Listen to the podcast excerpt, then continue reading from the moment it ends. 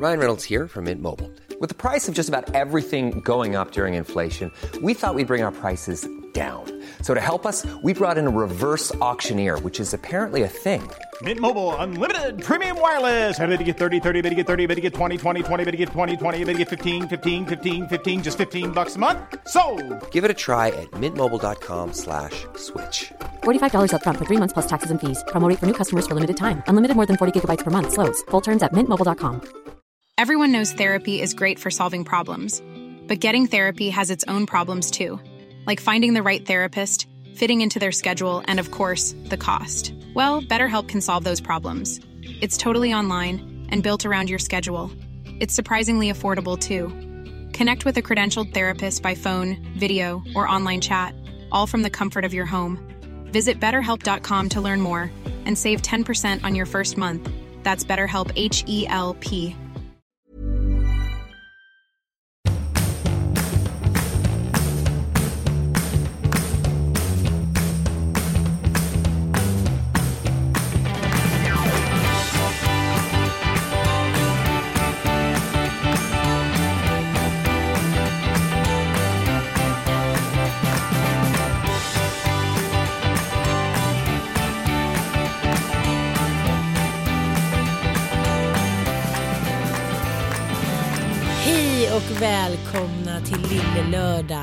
Den här nådens onsdag 2016. Efter andra advent. Ja, efter andra världskriget tror jag ska säga. Men det var ett tag sedan. Nej men idag så kanske vi inte är riktigt där uppe på scenen och eh, dansar kan-kan. Nej. Nej, jag läste ju tidningen nämligen att du och Kalle ska skilja Det är så sjukt Nej, förlåt, förlåt, förlåt. Nej, jag, jag visste det ju innan kan jag avslöja. Ja, Ja.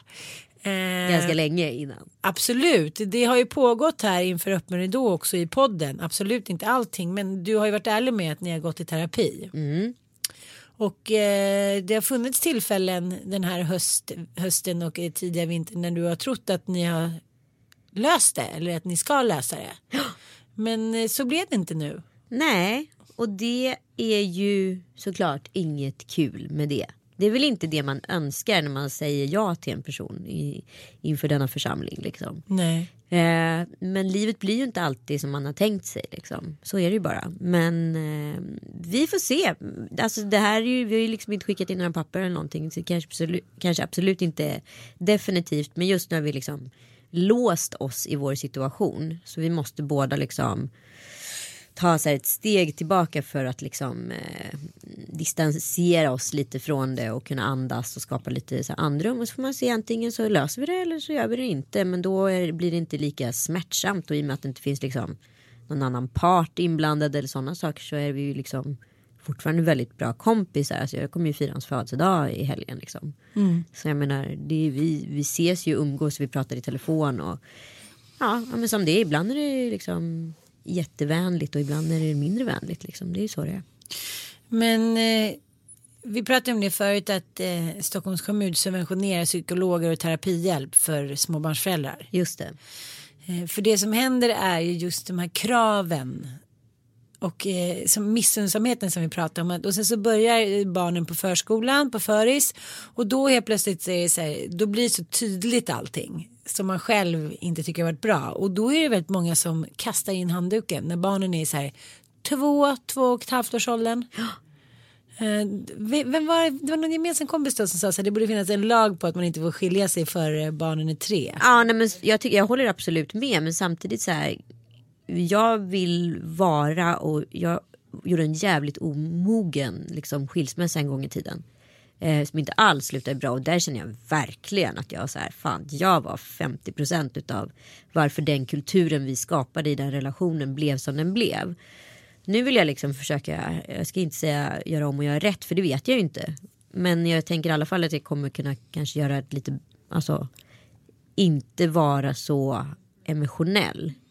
Utan vara mer liksom långsiktig. Sen är ju liksom, det vet väl alla som, som separerar att så här, det är inga lätta beslut. Och det är klart att en separation föranleds inte utav liksom eh, en god vänskap och en klackspark liksom, utan så här, det är en kris liksom. Så att det är ju liksom jättevarmt och jättekallt liksom och om vartannat.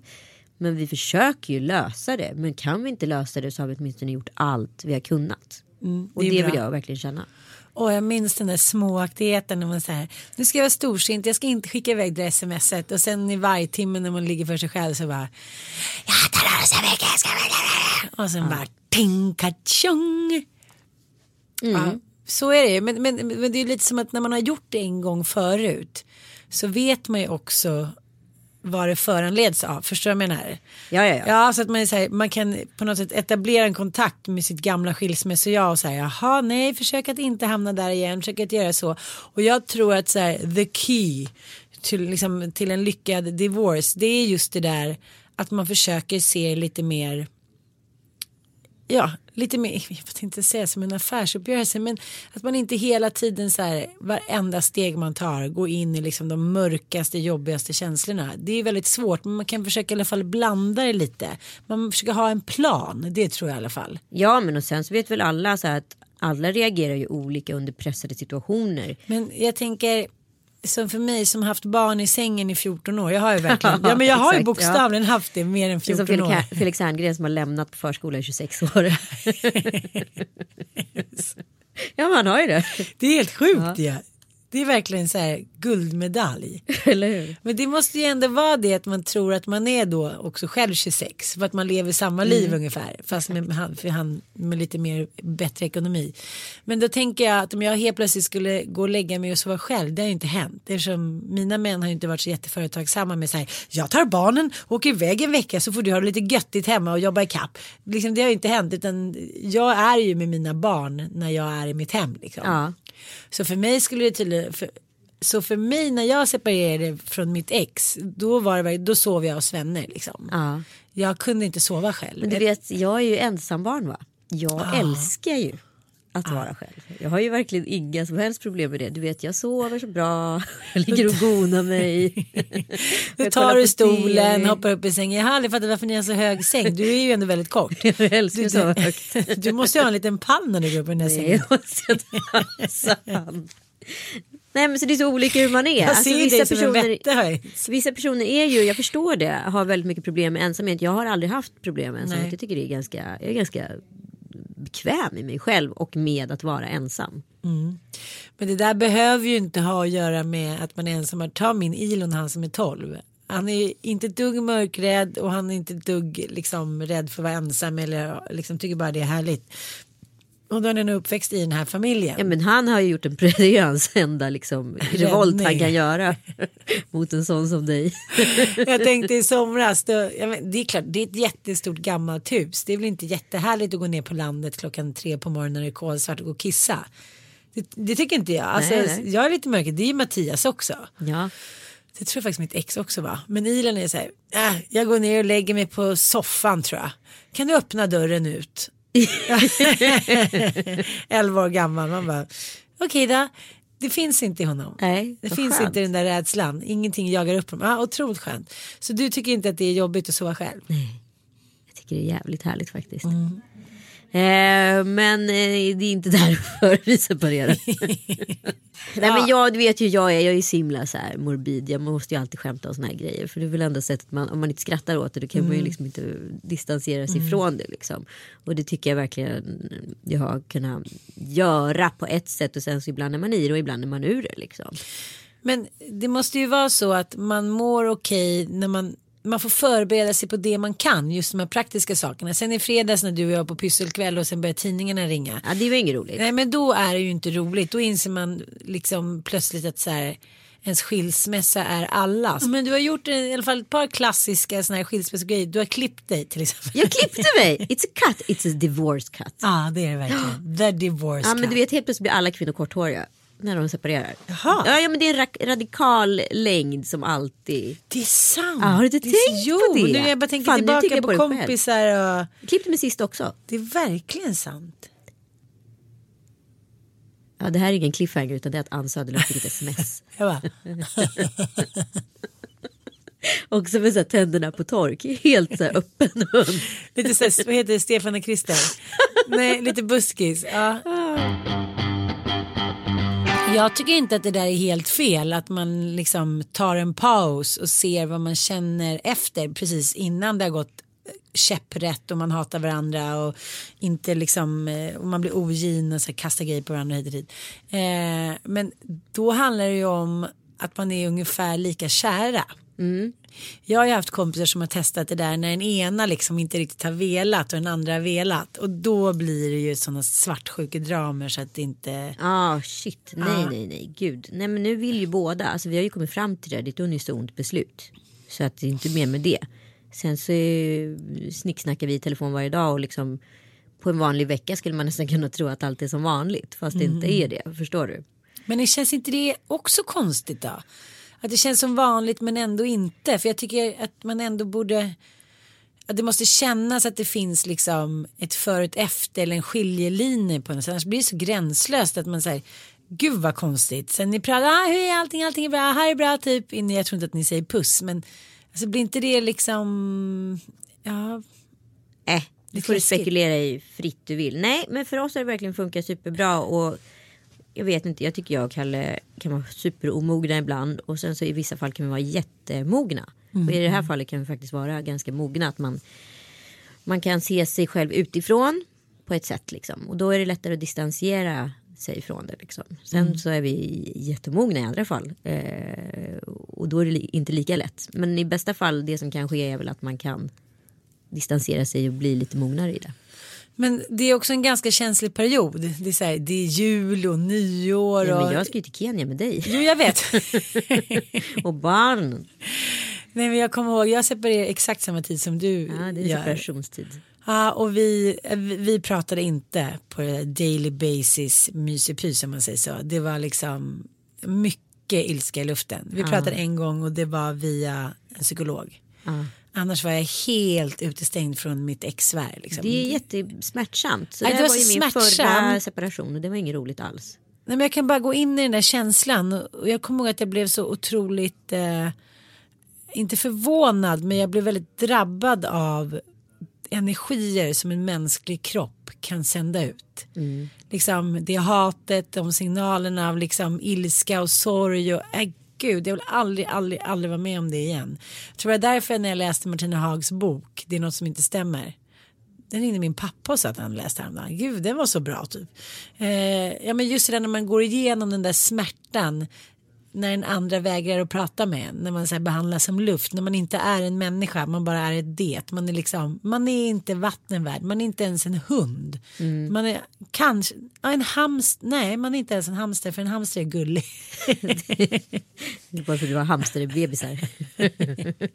ja, fransosen. Eh, Nej men jag fattar precis vad du menar och jag har gjort den grejen. Och det vill inte jag göra igen och jag ska ju ha med honom att göra hela mitt liv. För att vi har ju barn ihop. Så att det vore ju jättedumt kan jag ju personligen tycka. Att inte få det att funka. Det är ambitionen. Sen får man väl hoppas på att det kommer funka. Jo, men- alltså, men man, jag kan bara, att det- man kan ju bara göra sitt bästa. Liksom. Jag tror så här att ibland så behöver det inte ha så mycket med relationen att göra utan det har bara med ens egen personliga liksom, ja, men, tankar om livet eller vad man hamnade i och hit och dit. Så kunde jag tänka och känna i vår skilsmässa att det var så här. Jag fick verkligen ta hela hans liv i en korg. Liksom, allt var mitt fel. Jag var så här, stod som på en öde ö, så här, tre centimeter hög och så här, försökte skrika upp till den där jätten. Så här, Men det var inte jag som gjorde det, det var inte jag som nu gjorde var det ju det. ditt fel. Nej.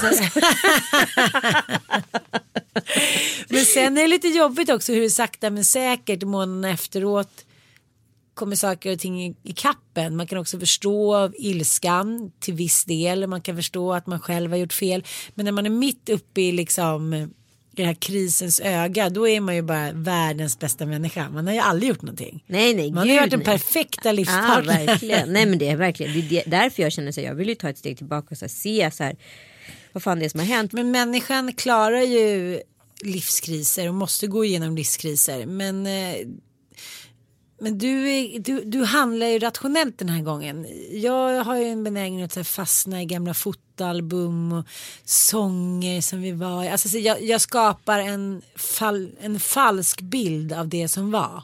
Förstår du? Ja men du lever ju drömmen om filmen. Ja, Alltså, en chimär och även när det tar slut och liksom helt plötsligt så går glashuset sönder och man ser för, förtvinade förvrängda ansiktena som inte gillar varandra så himla mycket längre. Men sen så tio sekunder senare Har du glömt bort det? Ja, det bara åh vi är så kära och nu märker jag tyvärr att Bobo verkar ha ärvt den här genen.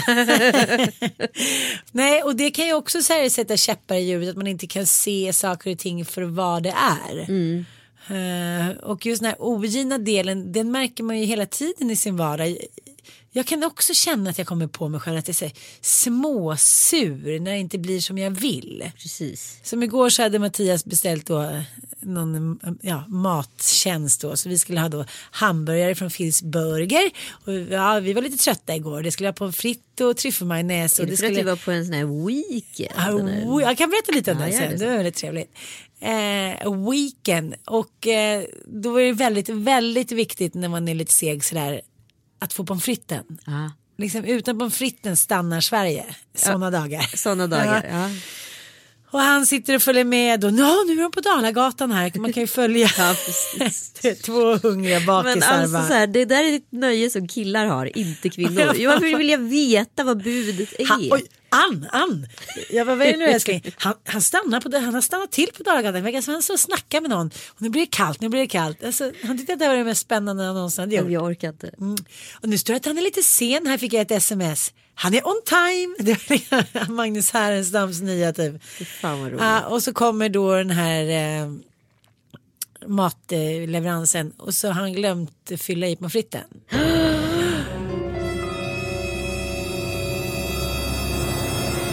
Och grejen är att det blir alltid fel när han ska beställa någon sån här matliknande. Du vet. Ja. Det jag vill är ju så här att gå bananas. För nu har jag målat upp en, liksom, en bild av den här underbara typ, majonnäsen med pommesen hit. Det var ju den du ville ha och du skit egentligen i hamburgaren. Hamburgaren är ju kulissen. Ja, gud ja.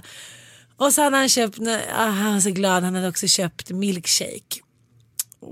Jag gillar inte ens det. Nej. Så det var lite så här, där satt jag utan cola med en hamburgare och en tryffelmajonnäs. Det var det deppigaste jag hört på Nej, länge. ja, men det var också deppigt och då ville jag bli så här, men vad är problemet? Så här, vad är problemet? Så här, meny och han, nu blir han superstressad såklart. Såklart. Ja, det kanske var lunchen då. Men samtidigt så är, det handlar ju inte om att han inte anstränger sig. Det handlar ju om att det är någon form av dyslexi liksom. Det fattar jag också. Men samtidigt så tycker jag att det handlar Men om måste det vara diagnosbaserat? Måste liksom, kan han inte bara slarvat? att... Ja. Eh, jo, men va, ja, Eller varje liksom gång vadå då. om man inte har beställt mat från det där tidigare. Så de är inte superlogiska de där menyerna. okej. bara säga. Men där blir man ju så här som en liten så här ilsken bitterfitta. Ja, ja, ja. Du, du vet jag bara så här, men du vet jag fick, jag fick nästan fysiskt hålla i mig själv för att inte så här bli helt galen. Jag bara, ja men det var ju synd men du kan ha gjort något fel han skulle försöka förklara. Jag bara, visst var det en, och så sa han säkert tio gånger, visst var en god hamburgare? Den var ju god hamburgare. Allt handlar om inställning. jag vet men där, det är inte lätt. Nej det är fan inte lätt. Det är inte lätt Men det- alltså, att vara är som det- bjussig och det är skönt också så här rya lite och äh, vara lite arga på varandra. Men det gäller ju då att bråka på rätt sätt. Liksom. Exakt och det är ju svårt liksom. Och så där med småbarnstiden. Ja, men det är, läs någon gamla krönika av Cissi Wallin. Ja, men det är bättre att då köra ett snabbknull i duschen hit och dit. Jättebra. Det är bara att det är alltid någon i duschen, i Ja, köket. I alla fall ditt hem. Ja men det är det jag Ni är sju menar. personer liksom. Ja det är inte så här, åh jag hittade en, en liten hörna där vi kunde krypa in. Det är så här, men, jaha, Du kanske får ha ett, liksom ett, ett riktigt knullrum. Som ett litet mörkrum. en knullägenhet. Vi kanske kan ta Kalles. Jag fick så här, äh, tvångstankar häromdagen att jag liksom har glömt bort nedre delen på min kropp. Att jag går omkring och är en överdel. Förlåt men du förstår jag tycker. Jag ska inte säga så här uttryck som man skulle kunna säga nu. Men, men att jag är, men som att jag skulle vara med på cirkus förr i tiden. Så Det här. är inte Ankeborg på dig, det är tvärtom. Ja, det det är verkligen tvärtom. Att så här, det här som sker här nedanför, det är inte längre jag. Utan jag är ett intellekt. Det är ditt avlopp där ja, nere. det, ja, Ja, det är ärligt talat. Och jag beter mig också så när jag, nu blir det här väldigt intimt, men som när jag duschar. Ja. Och liksom, ja men du vet, Ja. jag beter mig som att jag är ett avlopp. Tja, tja, spola lite, nu är det klart. Och sen så,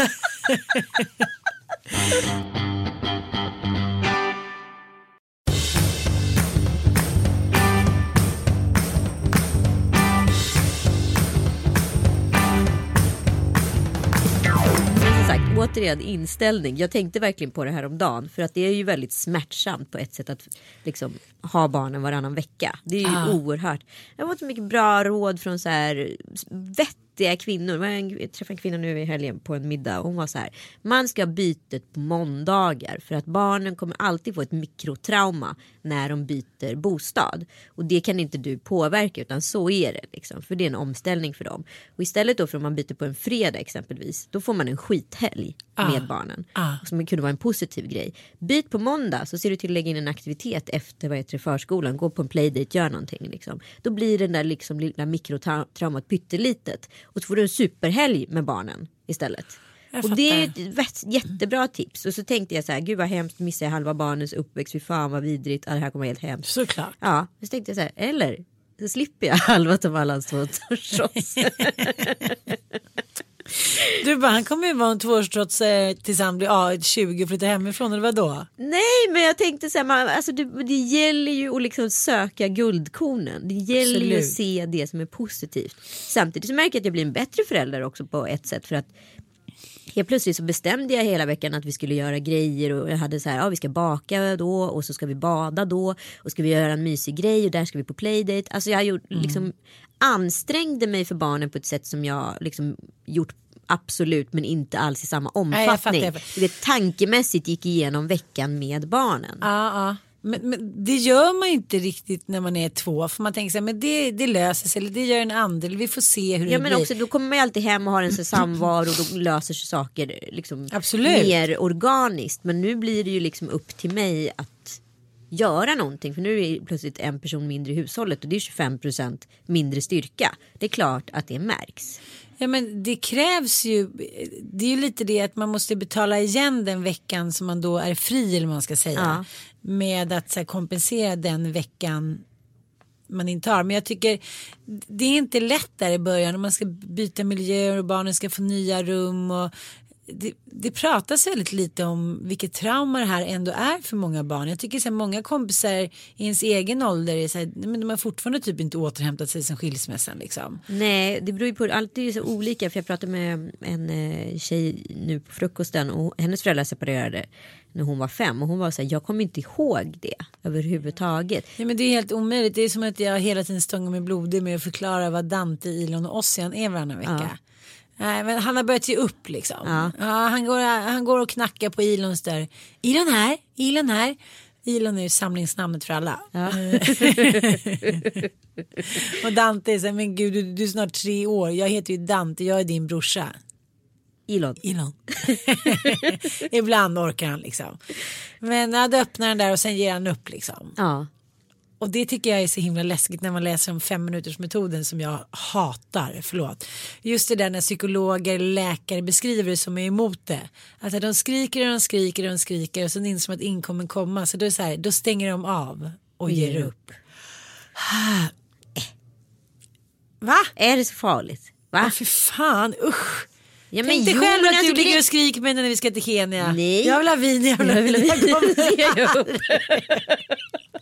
Det är traumatiskt för dig älskling. Nej men jag bara säger så här, jag, jag försvarar inte Anna Wahlgren, jag försvarar inte den metoden, jag har inte gjort den själv på mina barn. Jag bara säger så här att man gör vad som funkar för, och vi, alltså de flesta barn utav vår generation har ju växt upp med den nattningsmetoden. Ja, det är, Jag är ganska det säker på med tanke på att jag är från så Indien, men jag, jag är också iskall som person. Ja, jag förstår. Men det gjorde säkert mina föräldrar också. Men de lämnade oss också. Ja, men alltså, hur hade man gjort förr i tiden om man inte hade hemhjälp eller sådana saker om man hade massa barn? Jag tror inte att det var en sån big att man lämnade barn själva. Barn var små vuxna och de klarade sig. Jag kommer ihåg när jag läste om Jan Guillous mamma som var jätteung. Låste dörren och eh, liksom gick iväg. Men vadå? Det fanns ju ett annat ansvar på barn. Det är det jag menar att vi gick ju ut Vi kunde gå, jag var ju ute och åkte så skidor på kvällen och vi bodde på landet. Liksom höll på att bli påkörd och sprang på en älg. Och så här, åkte hem och mina föräldrar var väl liksom bara så här, oj var var du någonstans liksom? Det var helt becksvart ute. Sådana grejer tillät ju våra föräldrar oss att göra. Liksom. Ja, det fanns ju en annan tolerans, man litade mer på människan. Idag är vi ju alla offer hela tiden. Det är det, alltså, förflyttningen har ju snarare skett i att vi har alla hamnat i någon så här nästan amerikansk försäkrings historia där allt, man pratar hela tiden om risker och det enda vi gör är att riskminimerar. Vi litar ju inte längre på individen för vi förstår ju att så här, individen är ju inkapabel. Jag bara undrar, alltså, för jag tycker ändå det är en väldigt stor skillnad på 90-talister och 70-talister eller 80-talister också och det är ju på grund av olika så här, uppfostringsmetodsinställningar. Men för några, något år sedan så var jag med barnen i fjällen och så ringde jag till pappa och sa så här, vi är här nu. Jag kommer inte ens ihåg var vi var någonstans. Han bara, men gud, där var ju när, när ni var små och då kom, var ju mamma och jag och dansade och då kom det en dam med er. Du hade varit ute och gått i snön och letat efter mamma och pappa. då har de bara lämnat oss. Ja. För de ville gå och dansa, de var unga, de Ja. hade inte levt klart. Nej, det är det jag menar. Alltså så här, Ah, ja, jag blir, jag, det är så svårt att säga vad som är rätt och fel. Det är därför jag är så, så himla så här rädd för att sitta och raljera och bestämma mig för att så här, så här gör man inte för om tio år kanske jag har ändrat min åsikt. För jag tycker att det är väldigt svårt. För det, allting är så här kulturellt betingat på ett sätt. Vilken så här, kultur lever vi i idag? Det är den som kommer bestämma om det här är okej eller inte. När ni lyssnar på den här podden så kommer ju vi stå på scen på Intiman. Ja. För det här är ju vårt hundrade avsnitt. Och det var ju inte meningen att det skulle bli så mycket moll i det här. Men det kommer Nej. nästan faktiskt ett best of avsnitt nästa vecka. Men så mycket moll är det ju inte. Alltså det är ju inte spiken i kistan. Ni har ju gjort men vad ska jag säga? Ni har ju gjort en räddningsplan. Det är ju ing, varken du eller Kalle har ju uteslutit att ni kommer vara ett par om ett halvår och Nej. en familj, en, en familj igen. Precis. Nej, så att säga, då, behöver, då är det såklart moll men det finns också hopp om dur och det kommer bli bra hur det än blir. Ja men det är det som är planen. Att Den- så här, den dagen när det liksom bestäms. Mm. Då, då vet vi vad vi vill. Den enda som är riktigt ledsen det är Mattias. Vi var ju på gårds, herrgårdshelg i helgen Ja. och då ville jag ju ha min Chanel-plånbok. Ja.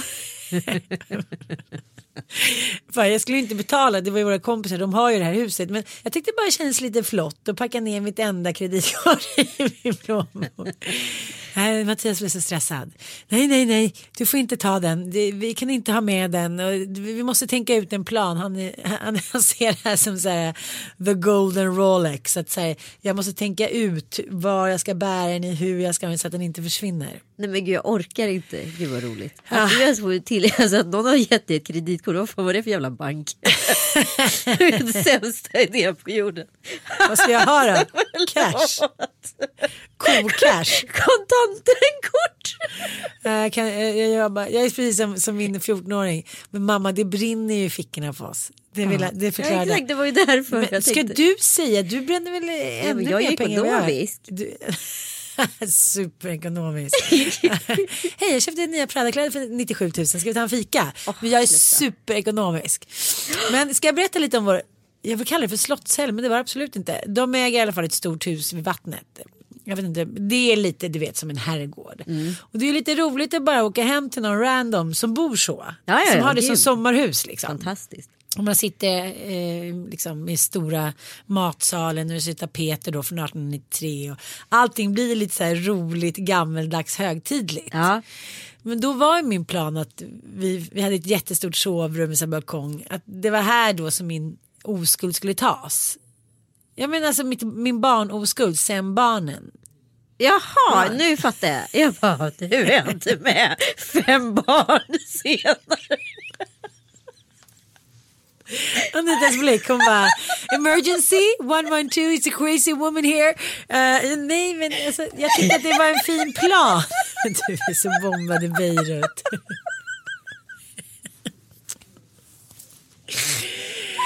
Ah, ja men du vet man tänker nu ska jag åka Du har iväg. blivit så galen. Det har hon liksom så... Han har gått över Har gränsen. du gått och sitt ihop dig eller vad är det som har hänt? Jag har kört en... Nej, jag ska inte säga någonting. Jag ska inte gå in på the pol, po- politic way. Nej, men jag hade, hade jag på mig då någon, med någon liten slinkig morgonrock. Fortfarande, vad har det här med att göra? Vad är det för oskuld som ska tas? Nej men alltså när man, det är alltid lite konstigt när man har fött barn och man ska göra det igen. Man känner så här, Jaha. antingen så, så här, finns det inte kvar där inne eller också så är det så här, ett tomrum som man har ingen riktig koll. Det är, Är, inte är så det här, simbassängen eller är det liksom Nej men vad, vad är ens kvar? Så mina systerdöttrar bara, men gud det är bara trasor och flamsor där nere. ja det kanske det är. men eh, nej, så blev det inte. Okej, så det blev ingen oskuld som togs. Nej. Men du tog din alkoholoskuld i alla fall. Ja det gjorde det. Det blev massa bubbel måste jag säga. Det ville, sen vill man ju bara gå och lägga sig. Men eh, innan vi slutar också så eh, i, nu blev det lite moll. Men eh, nu blir det ännu mer moll men som sen ska sluta i dur. Det är ju den här Åhléns Lucia-kampanjen med lille pojken som är Lucia. Ja. Och så står det så här. Nu har vi Lucia-kronor, nu har vi det hit och dit. Och eh, den här stormen då, hatstormen som det alltid kallas. Det kan vara vindpusten eller lite, men nu har det kallats för hatstormen. Eh, jag tycker i och för sig inte att det är jättekonstigt. Det är bara hemskt, hemskt sorgligt. Men jag skrev om det på min Insta och det blev ett himla så här halabaloo. Eh, det är just det här att det var en invandrarpojke som anammade våra traditioner som vi alltid ska säga. Det är ingen, inte våra traditioner. Det är inte vi som har uppfunnit lucian. Eh, Man bara kunde sluta med den här äganderätten till vem som äger vad. Ja. Det ska alltid vara så här, nej nu kommer ni inte hit och, och, och tar våra traditioner. Ingenting är ju vårt och ert. Allting som du brukar säga är lånat, snott, återupprepas. Ja, och människor har ju rört på sig på jorden i alla tider. Det, det som vi kallar är så kallat vårt. Det kanske har varit vårt i de se- senaste 10-15 åren. Innan dess var det någon annans. Ja, jag Lånat. spyr. Lånat. Usch, jag spyr. Och eh, i, i, min, i mitt instaflöde så var det bara så här, ja, men alla var så här, men gud vad hemskt och vi måste lära oss, våra barn. Alla kan- borde gå och se Alla kan äta julbord för då får man ju reda på hur mycket traditionerna har Ja. förändrats under seklets gång. Alltså det finns ingenting som är intakt. Nej, nej, nej, det gör det ingenstans. Det var ju så himla spännande med den där filmen där de hade, eh, det var några liksom testkaniner, man ska säga, människor med olika bakgrund och så kollade de deras DNA. Och sen så fick de träffas eh, någon vecka senare och så fick de gissa då vem de var, vem de var kusin med och hit och dit. Det var ju liksom helt sensationellt. Det var så här, va? Ja, men en vit engelsman kom från Afrika. Ja, men du vet, det Ja, ja. allting har ju blandats ihop från första början. Det var ju inte så här, vi föddes här och, och gick våra Lucia-tåg eh, år 000. Men, men det som är så läskigt tycker jag är, det som är så svårt att komma hit som invandrare och som människa, det man aldrig kan göra rätt. Vi vet inte om den här killen var invandrare. Han var en brunhyad kille. Ja, så stod Och såg milt och ungefär som gulligt. mina barn. Ja, verkligen. Och stod med något Lucia-ljus och så här, mm, Men jag gulligt. funderar också på den här omfattningen Hatstormen. av om, hatstormen. Jag kan tänka mig att det kanske var 5 till 50 rasistkommentarer. Men exponeringen den får är ju flera miljoner. Och det är väldigt många som aldrig skulle skriva under eller uttala sig. Sen vet vi att det är en högre våg i Europa, absolut. Jag är ju inte direkt förvånad. Mina barn har ju också blivit kallad de där orden. Eh, jag är inte ett dugg förvånad att det sker i Sverige. Varför blir folk så jävla chockade hela tiden? Där blir jag chockad faktiskt. Ja, jag fattar. Jag fattar. För vi vet ju vilka vi är. Kan vi bara sluta hyckla? Det är liksom 25 procent människor som inte tycker om annan typ av hudfärg i det här landet. Vad ska vi Jag- säga? Vad ska jag göra? Det är väl klart att 25 förstår procent kommer att opponera sig. Jag Det stämmer enligt alla mönster. Ja, men jag, jag, jag säger det som en dum vette. Jag förstår inte, jag förstår inte, jag förstår inte.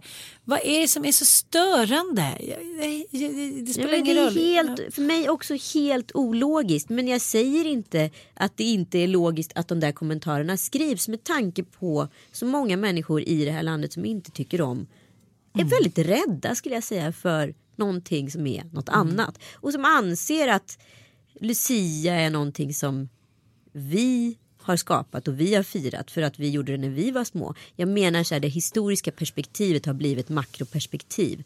Förr i tiden kunde vi se det längre mönstret. Vi vet att Lucia härstammar från Italien och vi vet att hon inte hade rött band på sin klänning förrän för hundra år sedan. För innan dess hade var allting brunt. Rött var ju en perverterad färg. Folk det är var till och med en jättearga. afrikansk tradition. Ja, hur som helst så är det i alla fall, eh, ja, nu får jag använda ordet chockerande för jag håller med, det är inte chockerande men det är så här, när man till och med håller på att kommentera små barn då känner jag så här, gud vad människor är ensamma och inte har någon att prata med där ute. Det måste ju vara det det handlar om.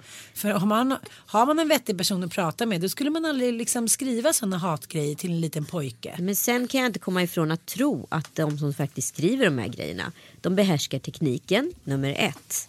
Vilket är en ganska ung generation. Nummer två är jag inte säker på att de faktiskt har en relation till n-ordet som vi har.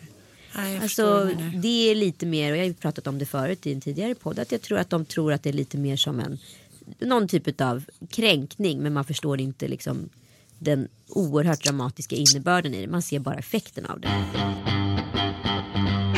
Ja men eh, eftersom Anita har förstört hela den här podden med sin skilsmässa. Så ska du göra en imitation och det ska då vara, du får vara Helene Sjöholm och sjunga Min julskinka har rymt. Ja, det, det blir en teaser för Ja, showen ja, helt ja, enkelt.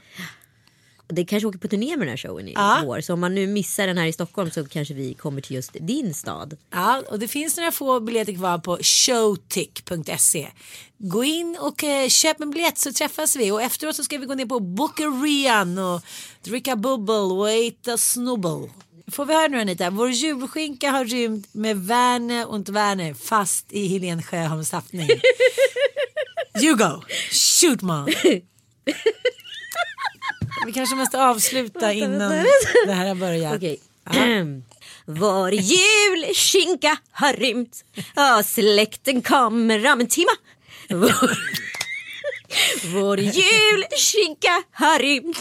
Hur kan gris bara försvinna? Tack, ni har lyssnat på Lille Lördag. Nej, nej, jag måste ska stoppa ner henne i en julskinka. och Sluta, jag måste sjunga om. Tack för idag. Puss och kram.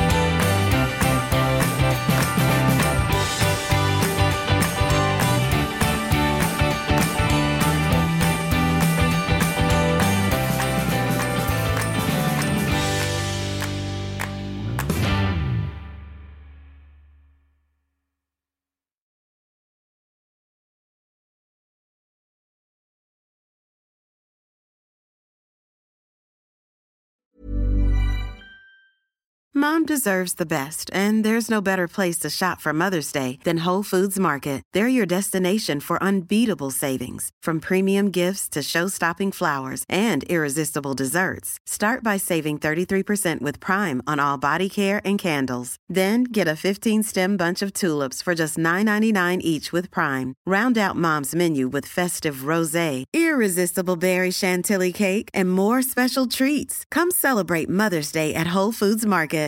Hi, I'm Daniel, founder of Pretty Litter. Cats and cat owners deserve better than any old fashioned litter. That's why I teamed up with scientists and veterinarians to create Pretty Litter. Its innovative crystal formula has superior odor control and weighs up to 80% less than clay litter. Pretty Litter even monitors health by changing colors to help detect early signs of potential illness. It's the world's smartest kitty litter. Go to prettylitter.com and use code ACAST for 20% off your first order and a free cat toy. Terms and conditions apply. See site for details.